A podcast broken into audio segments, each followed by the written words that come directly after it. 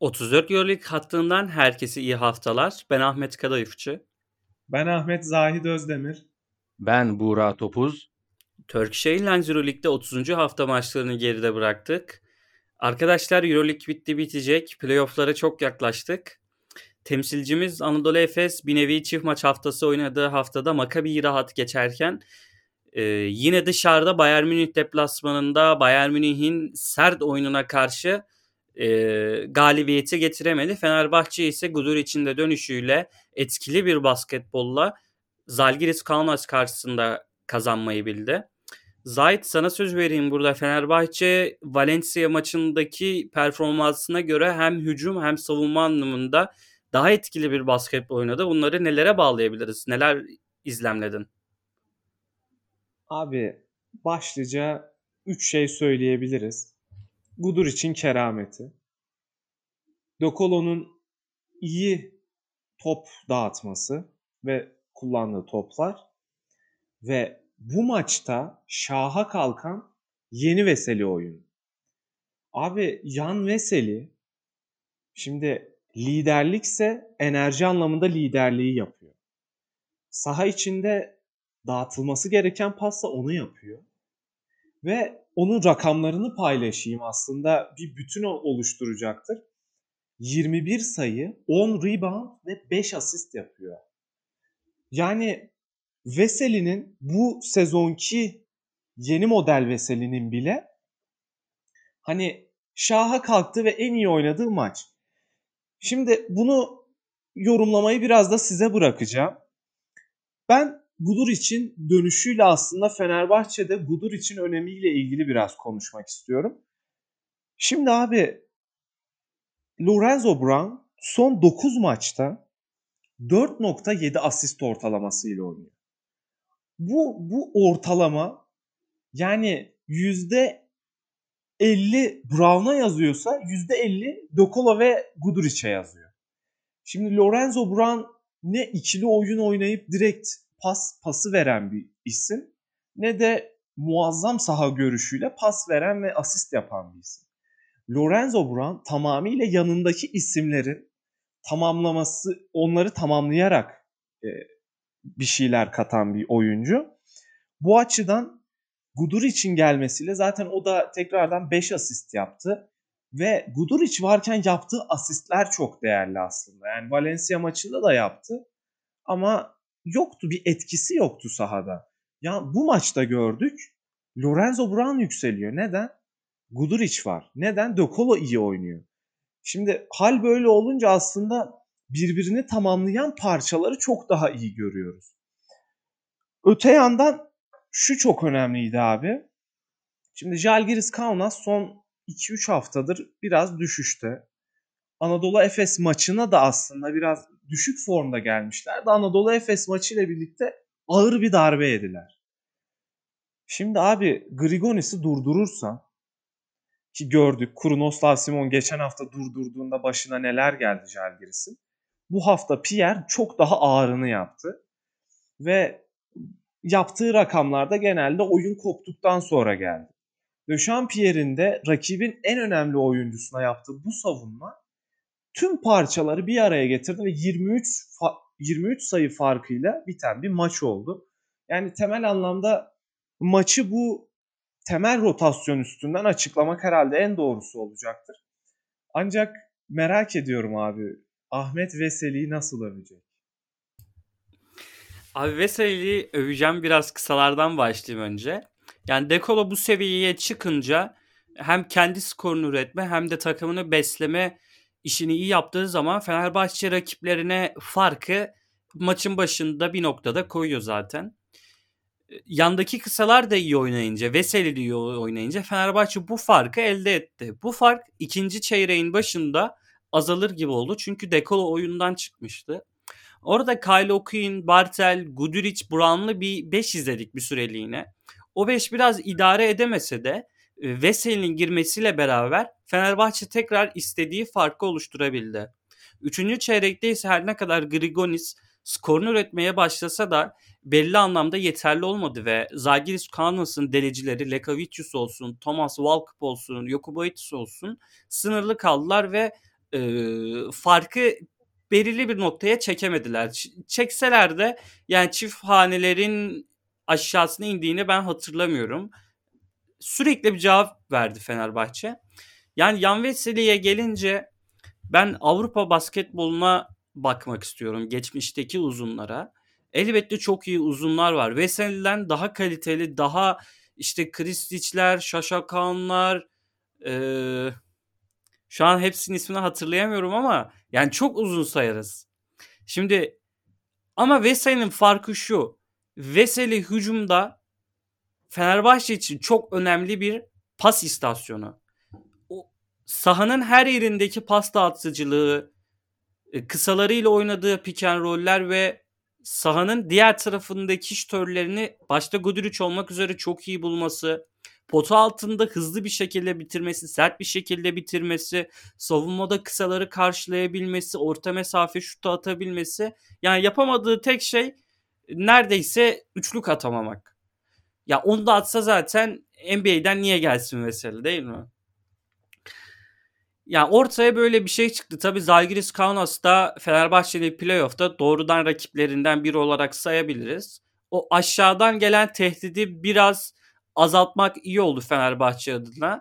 Tabii daha çok zor maçları var Fenerbahçe'nin ama kendisine e, Valencia maçından sonra e, her ne kadar yüzler düşse de o konumunu çok iyi toparladı Fenerbahçe. İşte Real Madrid'in kaybetmesi, Milano'nun kaybetmesi, Zenit'in keza kaybetmesi e, Fenerbahçe'nin yerini daha da sağlamlaştırdı. Bura sana vereyim burada sözü. Sen neler düşünüyorsun? Öncelikle Veseli hakkında şunu söylemek istiyorum. Normalde 2010 döneminde Final Four oynayan, devamında da draftta dördüncü sıradan seçilen, 2011 draftında dördüncü sıradan seçilen Yan Veseli'nin oyun tarzı NBA'den önce farklıydı, NBA'den sonra farklıydı. Biraz daha mobil, klasik 5 numaradan ziyade 3.5-4 gibi oynayan bir oyuncuydu Yan Veseli. Ve dış şutları da vardı.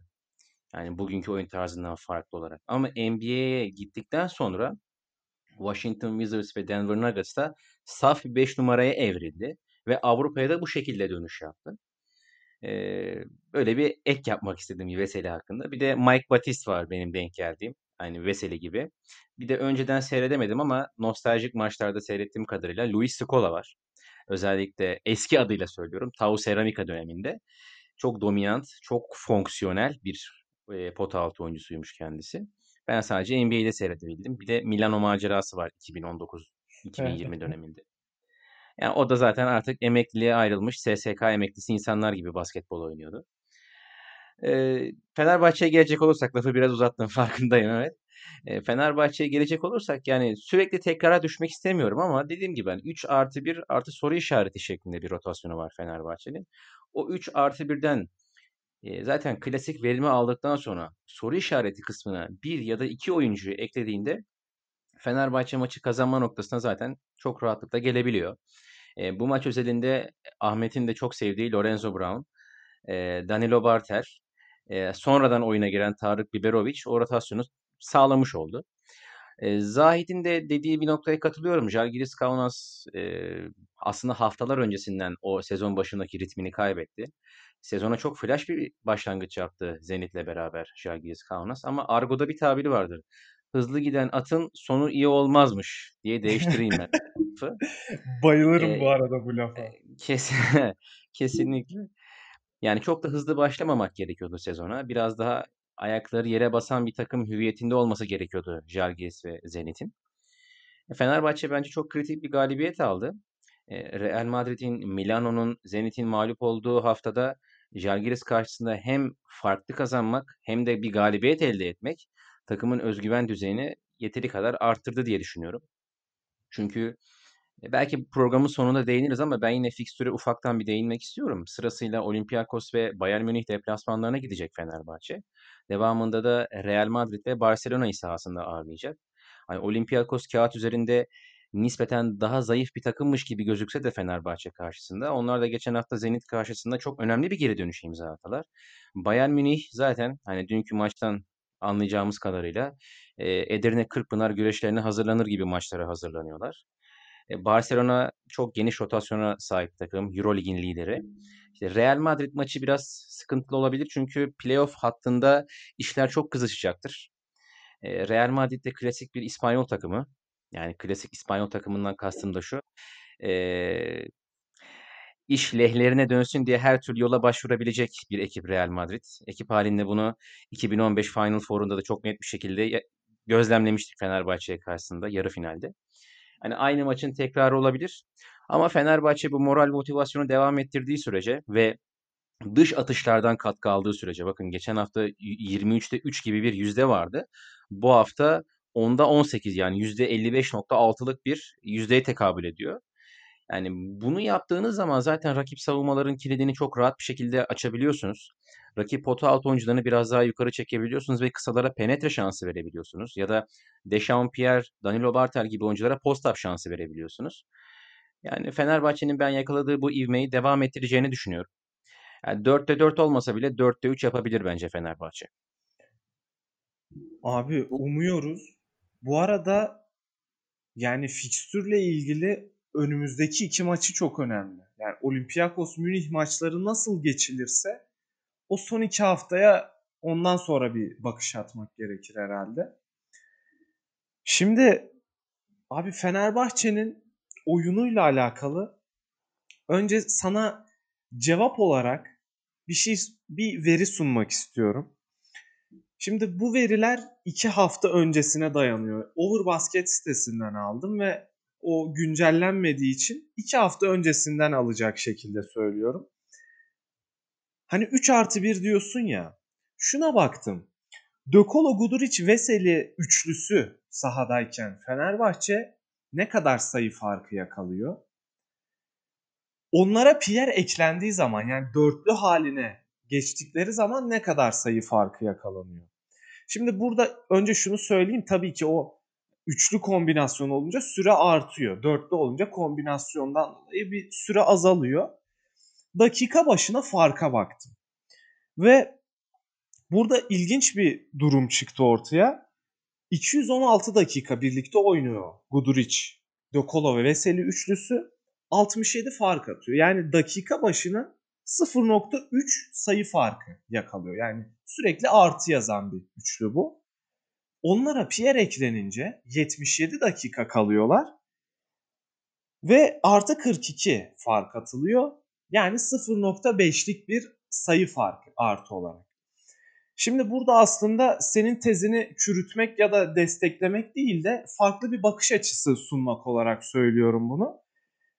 Bu üçlü çok değerli ve gerçekten iskelet kemiğini oluşturuyor. Yani tamamıyla tüm iskeletini oluşturuyor takımın. Ama bu üçlüye Pierre eklendiği zaman Fenerbahçe darbeyi indiren acımasız bir takım oluyor.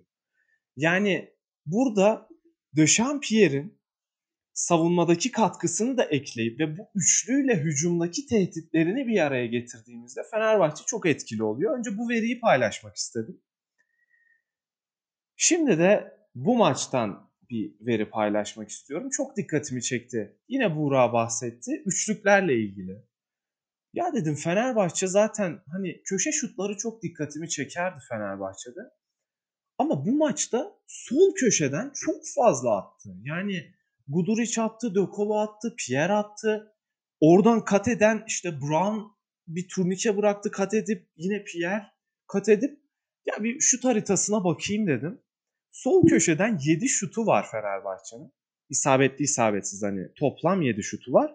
Sağ köşeden sadece 2 şutu var. Ya dedim hani bunun acaba bir Gudur için solaklığıyla bir ilgisi mi var? Böyle ilk periyodun sonunda da Panyalı falan böyle değişik bir şut sokmuştu. Ama düşündüğüm zaman bu sol köşenin uğrunu hem o bencin de yanında olması Fenerbahçe bencinin o açıdan bir ona dikkat çekmek istedim. Oradan yapılan katlarda da genelde hani Veseli'nin sağ forvetten o tarafa doğru attığı paslar da çok gözümde canlanıyor. O yüzden sol köşeyle ilgili artık Fenerbahçe maçlarına yeni bir bakış sunacağım. Yani ben öyle bakacağım artık. Sol köşeden iyiyse Fenerbahçe o maçtan daha çok keyif alırım. Peki üçlüklerden bahsetmişken ben çok da dikkat çekici olmayan bir konuya dikkat çekmek istiyorum.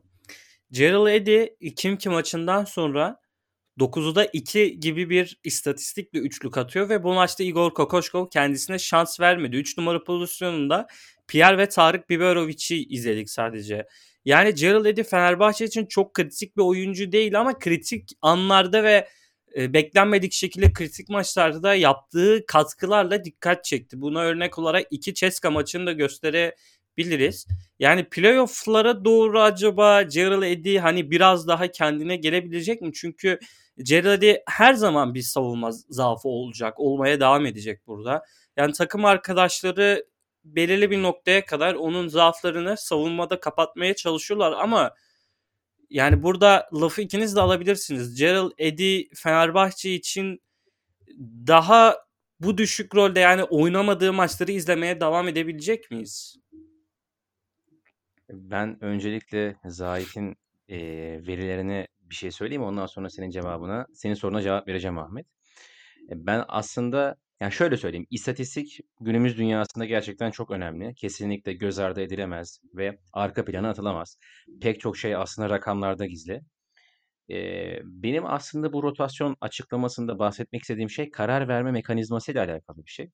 Şimdi Deschamps Pierre saydığım diğer 3 oyuncuya kıyasla maç içerisinde karar alma mekanizmasında değil, alınan kararı uygulama mekanizmasında olduğu için ben onu hep artı bir yazıyorum. Yoksa Dechampierre'in katkısı, savunmadaki rolü, hücumdaki rolü gerçekten en az diğer saydığım 3 oyuncu kadar kıymetli. Hatta bazı maçlarda onların da önüne geçiyor.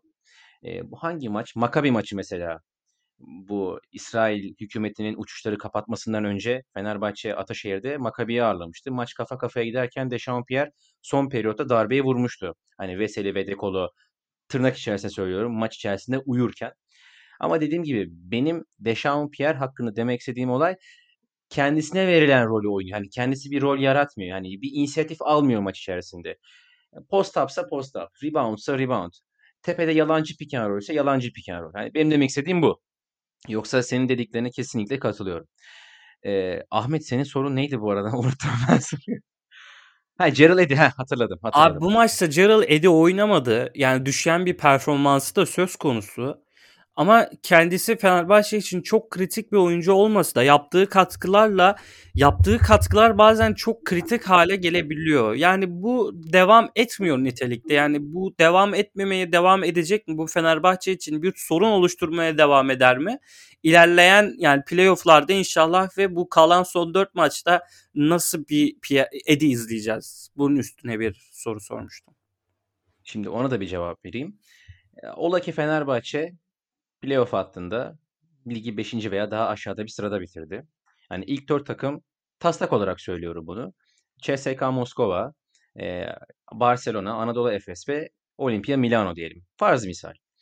Şimdi saydığımız bu 4 takımın opsiyonu çok fazla. Hem hücumda hem de savunmada. Şimdi bir oyuncu gününde olmadığı zaman başka bir oyuncu devreye girebiliyor. Ama Fenerbahçe'de bu durum maalesef biraz e, tırnak içerisinde söyleyeyim dar rotasyon şeklinde açıklanabilir. Hani Dekolo, Veseli, Guduric, Pierre bunlar ana oyuncular. Ama diğer oyuncular günündeyse performans veriyor. Yani daha minör bir rolde diğer oyuncular. Fenerbahçe'nin playoff hattına, playoff aşamasına doğru bu silah sayısını arttırması gerekiyor. Şimdi eldeki oyunculara bakacak olursak Danilo Bartel bir silah olarak sayılabilir. Lorenzo Brown hücumda olmasa bile en azından uzun kollarıyla birlikte savunmada bir e, silah olabilir. Ama şimdi Ulanovas ve Edi konusunda ben gerçekten çok ümitsizim. Hani Ulanovas zaten sene başından beri e, bir çizgi yakalayamadı ama Gerald Edi çok hızlı başladı sezona. Hatta e, sene başında Ataşehir'de oynanan CSKA Moskova maçında uzatmaya giden maçta 6'da 6 üçlük atmıştı yanlış hatırlamıyorsam. Ya da 5'te 5 yani hiç kaçırmadan üçlük atmıştı. Ama Gerald Edi'nin panzehiri çok çabuk bulundu diğer takımlar tarafından. Hani normal yani iri kıyım bir 4 numara karşısında gerçekten perdeden çok rahat çıkabiliyor. Hani o oyuncu onun ayaklarına e, ayak yani onun koşusuna ayak uyduramıyor. Ama biraz daha zayıf, nispeten daha zayıf. 3 numara Gerald Eddy'yi çok rahat bir şekilde savunabilir. Onun perde çıkışlarını çok iyi kontrol edebilir. Bu durumda Gerald Eddy e, maalesef devre dışı kalıyor ve Fenerbahçe'nin hücumları nispeten tıkanmış oluyor. Guduric ve De Colo'nun isolation hücumlarına veya hücumdaki başka tercihlerine kalıyor Fenerbahçe. Yani Gerald Eddy ne kadar fark yaratır bilmiyorum. Belki maç içerisinde bir ya da iki pozisyon fark yaratır. Ha, tabii zamanlaması da çok önemli bir pozisyonun. Ama Gerald Eddy ve Ulanovas gibi oyunculara Fenerbahçe'nin bel bağlamaması lazım. O 3 artı 1 artı soru işareti kısmında ol, olabildiğince Danilo Bartel, Kyle O'Quinn, Lorenzo Brown, Ahmet Düverioğlu gibi, gerçi Ahmet Düverioğlu'ndan da pek ümitli değilim ama e, Lorenzo Brown, Kyle O'Quinn ve Danilo Bartel'i olabildiğince bu rotasyon içine çekmesi lazım Fenerbahçe'nin. Hem bu son 4 maçta hem de playoff sürecinde. Abi ben bu konuyu niye açtım? Şu yüzden açtım. Yani şu an e, yani Veseli, Dekolo, Guduric yani çok güzel işliyor. Biz de izliyoruz yani harika. Bence konuşmak için erken değil ya. Ben bir şeyi çok vurguluyorum. Playoff'ta iyi yaptığınız şeylerle değil yapamadığınız şeylerle rakipler üstünüze gelecek diye. Bu Burak'ın bahsettiği 3 artı 1-1 tandeminde oraya bir oyuncu eklenebilirse çok iyi olur. Yani bu Gerald Eddy olabilir mi şeklinde e, kafamda soru işaretleri oldu. Yani ben çok olabileceğini sanmıyorum. Yine de o rotasyon konusunu bir gündeme getireyim dedim. Abi orada yani Buğra'ya bayağı katılıyorum. Bartel O'Quinn çok kritik. Yani orada Eddie'nin yapabileceği şey yani bilmiyorum ben çok fazla playoff oyuncusu olduğunu düşünmüyorum. Yani Eddie'den de alınacak güzel katkılar alındı belli maçlarda. Bundan sonra da alınacaksa belki gelecek haftalarda bu arada görebiliriz. Yani bu Jalgiris Kaunas maçında kenarda tutmak istedi ve kısa sürelerde yine kullanılabilir bir oyuncu. Ya ama orada Ulanovas iyi bir katkı verebilse o zaman işte Fenerbahçe'nin playofflardaki e, tehditlerine iyi bir ekleme yapılmış olacak. Ya yani o da şanssızlık, sakatlandı.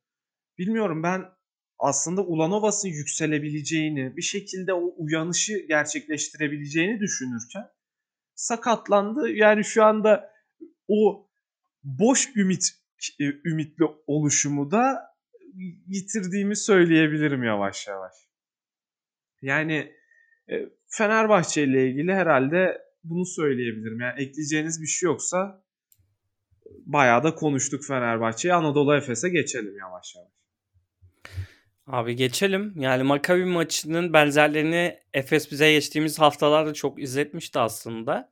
Hani farklı olarak ne oldu? Tibor Plyce 10 dakikalık oynadığı sürede hem şutlarıyla hem pota altındaki diriliğiyle diyeceğim sakatlıktan dönen bir oyuncuya göre iyi bir e, çizgi gösterdi. Ben Dunstan Sertaç'ın yeterli olmadığını yani şu an için yeterli ama playoff'larda yeterli olamayabileceğini düşünüyordum. Çünkü Dunstan biraz yaşlı bir oyuncu. Yani zorlanacaktır uzun dakikalar çıkarmakta playoff'ta.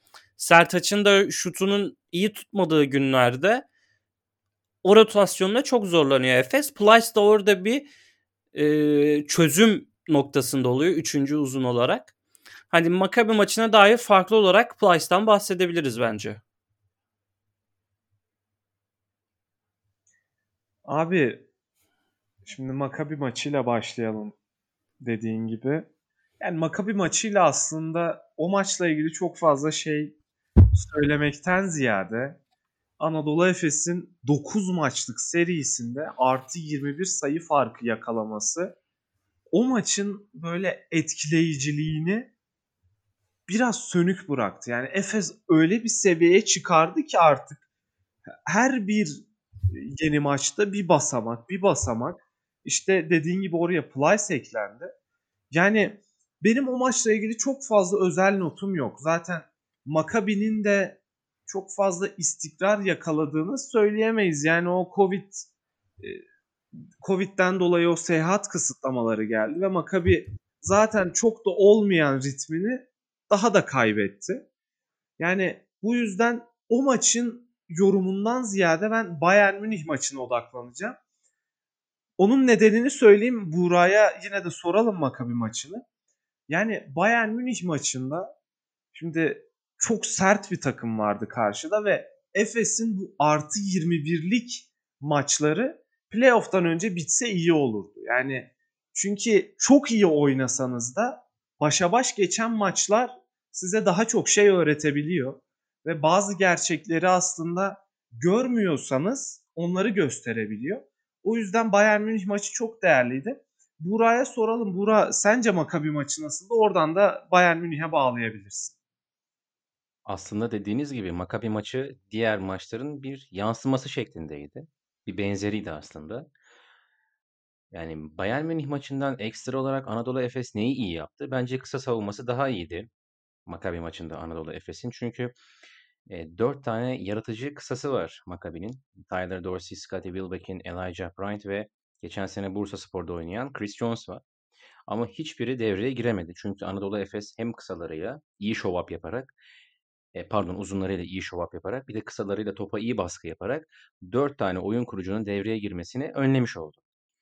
E, geriye kalan yorumlar artık kliş olacak işte. Çok iyi şut yüzdesi yakaladı, yarı sahayı hızlı geçti. Hep aynı şeyleri konuştuk zaten geçen kayıtlarda. Dediğin gibi hemen Bayern Münih maçına geçmek lazım. Bayern Münih maçında aslında yine 46-31'e kadar Anadolu Efes'in kontrolünde olan bir maç vardı ikinci periyotta. Ama 46-31'den sonra mental olarak hiç beklemediğim kadar e, düşüş yaşadı Anadolu Efes. Hani kalite farkı olarak Bayern Münih'ten çok mu üstün? Aslında çok üstün değil ama tabii ki üstün. Hem kağıt üzerinde hem de oynanan basketbolla, basketbol zihniyetiyle en başta bir kere. Hani sahaya basketbol oynamak için e, çıkan bir takım vardı. E, lacivert forma giyenler öyleydi. Beyaz forma giyenlerse Greco-Romen güreş müsabakasına çıkan oyunculardı. Yani Trinkieri bence bütün hafta oyuncuların hani Arok filminde 3 aydır top görmeyen Carlos var ya aynı onun gibi hazırlamış yani Efes'e karşı oyuncularını. Serbest stilli bence güreş bu arada. Neyse artık. Yani kısalara bence yeteri kadar baskı yapamadı çünkü tamam Wade Baldwin faal problemine girdi. Maça çok dahil olamadı. 12 sayıda kaldı ama Nick Weiler-Bepp, DJ Sealy ve devamında Vladimir Lucic istedikleri gibi isolation oynayabildiler. Pota altında maalesef Sertaç, Dunstan Tice hiçbiri devreye giremedi. Bunun neticesinde Jalen Reynolds istediği gibi at koşturdu diyebiliriz pota altında. Hatta bir ara Leon Radošević bile istediği oyunu sergileyebiliyordu. Belli sekanslar yakalamıştı. Yani aslında şöyle bir gerçek var. Her maç 15-20 sayıyla bitmez Euroleague'de. Eğer NBA'den aldığınız oyuncularla kurduğunuz bir kadro yoksa Avrupa Ligi'nde e, her maçı 20-30 sayıda kazanamazsınız. İlla ki inişleriniz, çıkışlarınız olacak. Kafa kafaya giden maçlarınız olacak. Şimdi Anadolu Efes bu sertliği örnek veriyorum 3 birim sertlik yaşadıysa bundan sonraki 4 maçta playoff'ta ve eğer kalabilirse Final Four'da 5-6 hatta 7 birim sertlikle karşılaşacak. Bunu neden söylüyorum? Anadolu Efes şu an ligin en formda takımı ve en basketbol oynayabilen takımı. Eğer iş basketbol sınırları içerisinde kalırsa rakip takımlar basketbol anlamında cevap veremeyebilir. Yani hız, şut yüzdesi, isolation, pick and roll gibi parametreleri baz aldığımızda Anadolu Efes çok bariz bir şekilde üstünlüğü kuracaktır. Ama işin içine sertlik katmak, psikolojik olarak Anadolu Efes'i farklı bir noktaya çekmek Anadolu Efes'e karşı bir pan zehir olacaktır. Diğer takımlar bence bu maçı çok baz alacaktır Anadolu Efes'e karşı. Çünkü hem Ergin Ataman hem de oyuncuların reaksiyonu aslında çok e, iyi değildi. Özellikle Larkin kendisine yapılan faullerden yakınıyordu. Gerçekten çok sert fauller yapılıyordu kendisine. Hakeza Mitsic'e de öyle. Son pozisyonu söylemiyorum bile. Yani hakem orada nasıl göremez? Çünkü ikili mekanikte veya üçlü mekanikte hakemlerin ortak bölgesidir boyalı alan. Her hakem her açıdan oradan düdük çalabilir. E, tabii ki bu mağlubiyeti hakeme bağlamak çok kolaycılık olur. Ama Anadolu Efes bu maçtan çok büyük ders çıkarmalı. Hani bir laf vardır ya her hayırda bir şer, her şerde bir hayır vardır diye. Yani Anadolu Efes cephesi için bir şer olarak gözükse de mağlubiyet aslında içinde çok hayır barındıran bir mağlubiyet oldu. Playoff öncesinde aslında rakiplerin bize nasıl hazırlanacağını, rakiplerin Efes'e karşı nasıl sertlikle reaksiyon vereceğini görmüş olduk bir kez daha. Umuyorum ki bu son 4 maça, playoff'a ve umuyorum ki Final Four'a kalırsa Anadolu Efes Final Four maçlarında bu sertliğin dozajı daha da artacaktır. Oyuncuların hem fiziksel olarak hem de mental olarak kendini bu sertliğe alıştırmaları gerekiyor diye düşünüyorum. Abi ben de şöyle bir giriş yapmak istiyorum. 46-31'e kadar Efes aslında tam o seviyede olmasa da geçtiğimiz maçlara benzer şekilde bir çizgi yakalamıştı. Ama Bayern Münih maçın genelinde çok akıllı bir basketbol oynadı. Bunun detaylarına girersek boyalı alanı belki çok iyi kullanamıyorlardı ama uzunlarını orta mesafede çok rahat topla buluşturuyorlardı. Jojoan Johnson olsun, James Gist olsun, Jalen Reynolds olsun rahat orta mesafe şutları bulabildiler. Yani belki Jojoan Johnson'ı dışarıda bırakabiliriz. O da 5 dakika falan oynadı. Ama buradan çok rahat skor üretti Bayern Münih. Kısalara gelince DJ Silly, Wade Baldwin ve Nick Weiler-Webb e, kısalarımızı çok yıprattılar savunmada.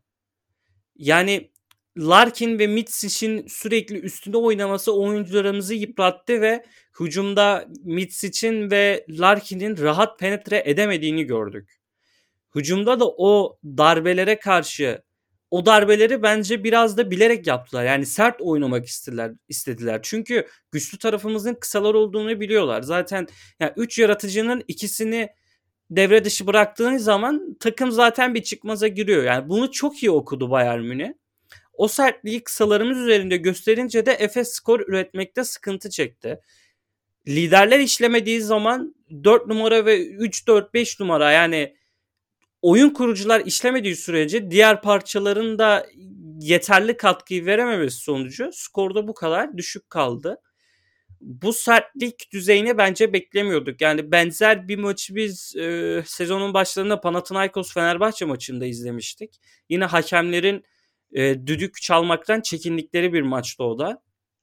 Buna benzer maçlar playoff'ta bence izleyebiliriz. Yani hakemler oraya daha katı tavırlarla gelebilirler. Hani bu maçı oynamak da önemliydi. Hani Efes kaybetti ama sadece bir sayıyla kaybetti. Dediğin gibi belki Larkin'in pozisyonunda faal çalınsa orada 2'de 2'de 2'den belki Efes maçı kazanabilecekti.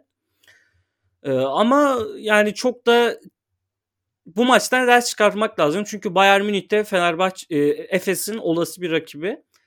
Bura sana söz vereyim. Bir şey söyleyecekti galiba. E, ben aslında bir şey söylemeyi unuttum maç içerisinde.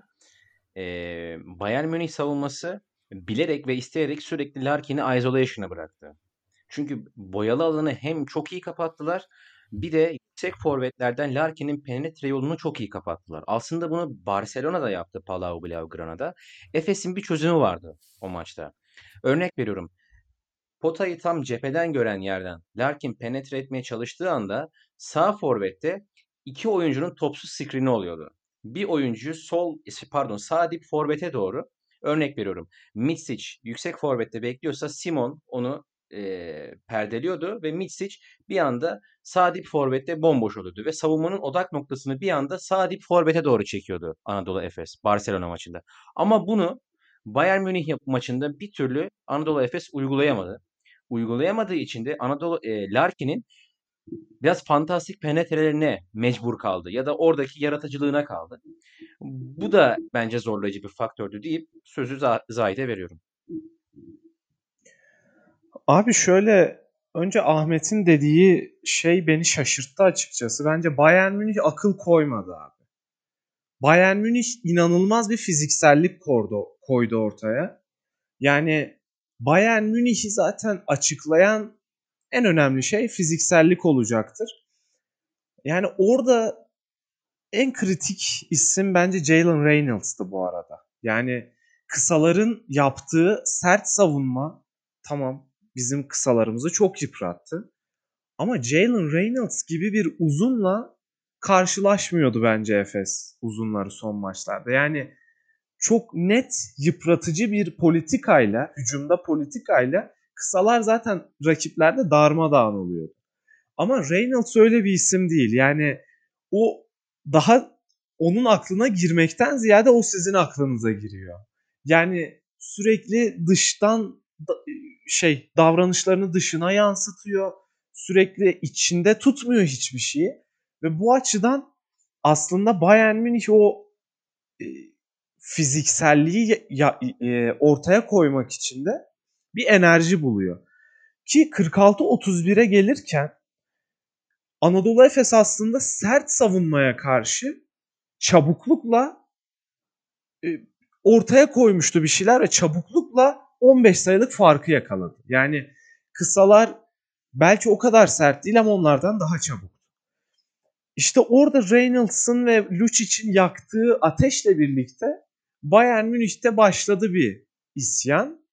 E, muhtemelen soyunma odasına zaten Trinkieri yani o enerjiyi yükledi takıma. İkinci yarıda Anadolu Efes daha fazla top kaybetti. Artık o e, sertliğin getirdiği yorulmuşlukla birlikte biraz daha karar vermede de zorluklar ortaya çıktı. Yani ben de şunu söylemek istiyorum. Son anda hani konuşmak lazım. Maçı o pozisyona bağlamıyorum ama şimdi Anadolu Efes öne geçti bir sayıyla ve sonrasında Mitz için Lucic'e yaptığı bir faul var. Yani o faul beni çok üzdü. Gerçekten maç esnasında hissettim yenilgi gelebilir. Yenilgi gelse dahi aslında bu yenilginin tek olumsuz tarafı bence şu oldu. İkili averaj açısından iki maçı kaybetmek çok sıkıntı oldu. Onun haricinde ben Efes'in kalan maçlarda öne çıkacağını da düşünüyorum Bayern Münih'e göre. Ama işte o git gel hissi ve o sonda Mitz için Lucic'e anlamsız yani o da muhtemelen kendini saklayamadı o anda. O beni çok üzdü ya. Hani bir yerde analiz yapmak istiyorum ama bu maç fiziksellikle oynadığı için o analize gelmek istemiyor canım ve üzülüyorum yani. Buruk bir maç oldu.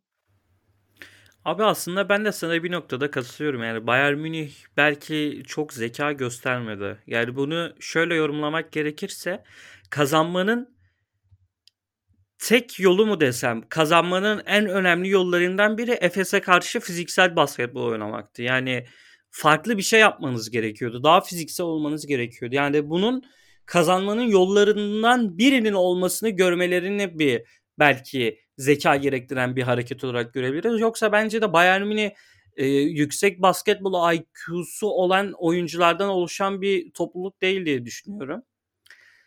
E, Burak sana bir atıfta bulunmak istiyorum burada. Tırnak içinde Andrea Trinkeri hocan teknik faal almadı maçta. Nasıl oldu? Nasıl sakinliğini korudu? Aslında pek sakin değillerdi yani. Normalde bir bench e, yani rakip takımdan bir oyuncu blok yediği zaman yani bir oyun, örnek veriyorum Jalen Reynolds çok iyi bir blok koyduğu zaman bench'in ayağa kalkmasını beklersiniz. Ya da Nick Weiler-Webb'in çok kritik bir üçlük isabeti bulduğu zaman kenarda oturan oyuncuların havlu sallamasını beklersiniz. Ama öyle bir hava vardı ki Bayern Münih bench'inde hani oyuncular top sektirse sanki e, düşman işgalinden kurtulmuş gibi seviniyordu bench'teki oyuncular. e, burada aslında Ahmetçim seninle aynı fikre geldim maalesef. Yani Trinkieri konusunda. E, haddinden fazla övmüş kendisini. Ama ben kendisine şöyle bir cevap vermek istiyorum. E, 622 yıllık Osmanlı İmparatorluğu'nun tarihindeki en önemli vezir azamlarından birisi Sokullu Mehmet Paşa bir gün demiş ki bir düşmanına siz demiş bu hareketinizle bizim sakalımızı kestiniz ama gün gelir biz de sizin kolunuzu keseriz demiş. Of. Ee, umarım playoff'ta Efes'le Bayern Münih eşleşir de o bench reaksiyonları, sertlik ne varsa iki katını yaparlar. Öyle söyleyeyim. Hani Ali Koç demişti ya topunuz gelin diye. Hakikaten topu gelsin. Abi, Abi buyur abi. bu Yozayt sen buyur. Abi bu noktada bu arada ben hala Trinkier'in iyi koç olduğunu ve bu maçta da iyi bir coaching uyguladığını düşünüyorum.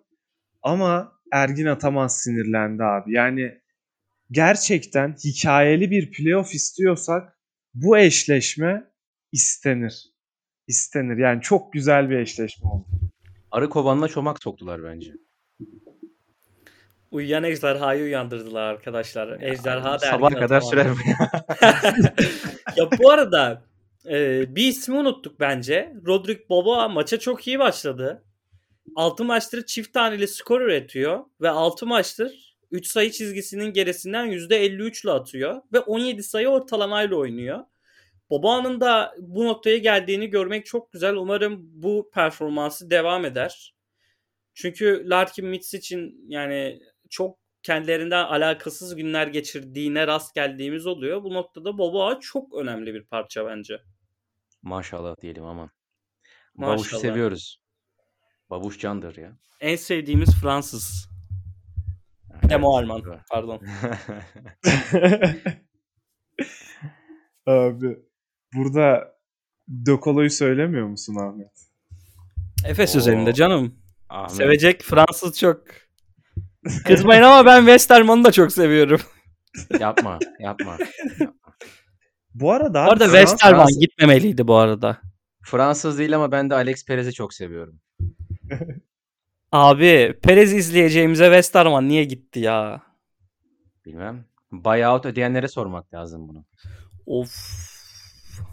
Abi bu arada Fransız basketbolcuların Euroleague'e kattığı değer çok büyük. Yani ben burada bu isimlerin Başta Thomas Hurtel olmak üzere.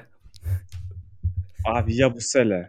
Yabusele lütfen şu an espri kaldırmak istemiyorum. Yabusele diyorum.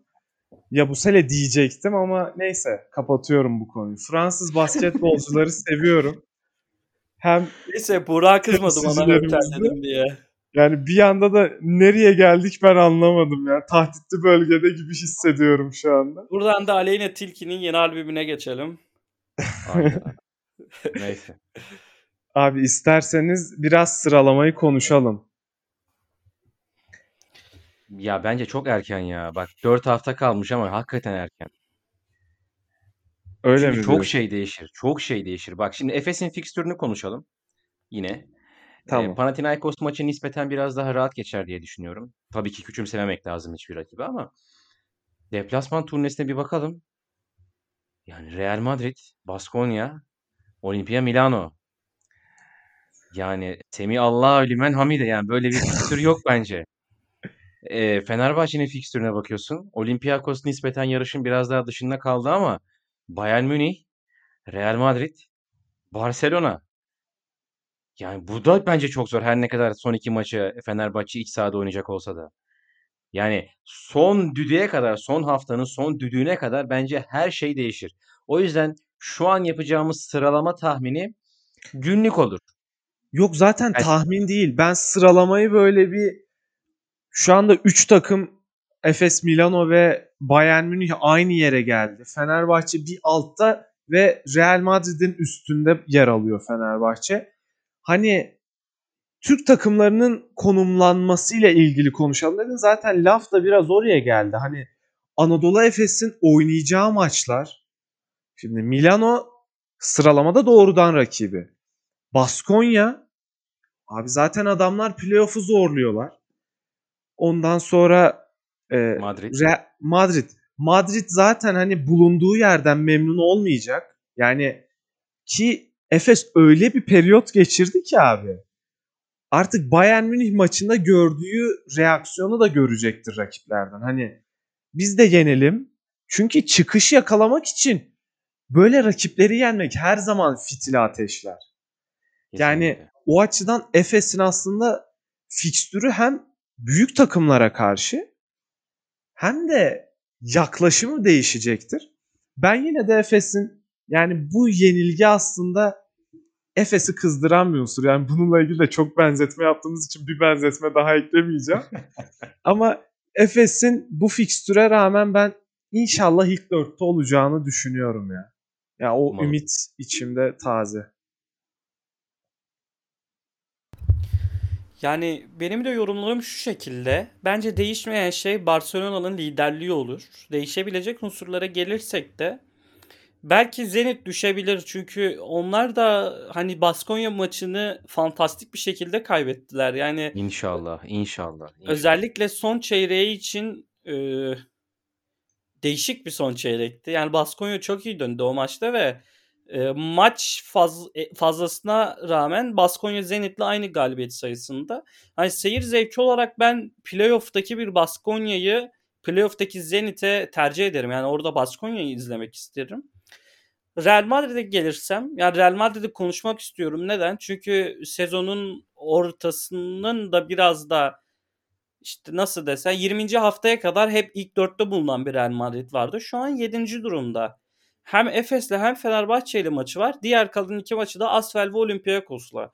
O iki maçı rahat geçeceğini düşünüyorum. Efes ve Fener maçını kaybetse dahi 6-7-8 üçünden birinden bence playoff yapacak bir şekilde Real Madrid. Hani buradaki yarış bence Valencia, Baskonya ve Zenit arasında olur gibime geliyor. Tabii Zenit'in bir maçı hala eksik. Panathinaikos da e, hani çok da geç olsa bazı raylar yerine oturmuş durumda. Hezonya'nın da gelmesiyle hani daha e, yani tamamen bence Hezonya'nın bireyselliğinden dolayı sadece daha tehlikeli bir takım haline geldi. Orada bir gelecek sözüne hazırlık olarak Panathinaikos maçlarında tavır koymaya çalışıyor. Eğer Zenit maçında da o tavırı koyarlarsa Zenit'e bir mağlubiyet daha aldırırlarsa oralar iyice karışacak. Ya oradaki mücadele bence son haftaya kadar devam edecek. Ya tabii 3 takım da 19 galibiyet. Yani oralarda çok değişecek ama hani ben kesin değişeceğine inandığım şey üzerinden konuşmak istedim biraz. Buradan bir sinerji yaratalım bence. Zenit playoff dışında kalsın. Abi Xavi bu Pascual'i playoff'ta izlemek istemiyorum. Bu arada katılıyorum ya. Yani bir Aa, şimdi aa, Za- nasıl ya? ben Xavi Zahitçiğim. Pascual ben Xavi Pascual aşığı değilim abi. Sadece balon değil dedim. Lütfen. Yani ve orada şöyle bir şey var. Dört tane playoff serisi var abi. Şimdi birini Zenit oynarsa ya Allah yardım etsin. Biz onu nasıl izleyelim? O açıdan kesinlikle katılıyorum. Umarım Abi tamam yani oynadınız, güldük, eğlendik. Tamam. Hani düşük bütçe sayılabilir. Pangos, tamam Alex Poitras. Teşekkür ederiz arkadaşlar.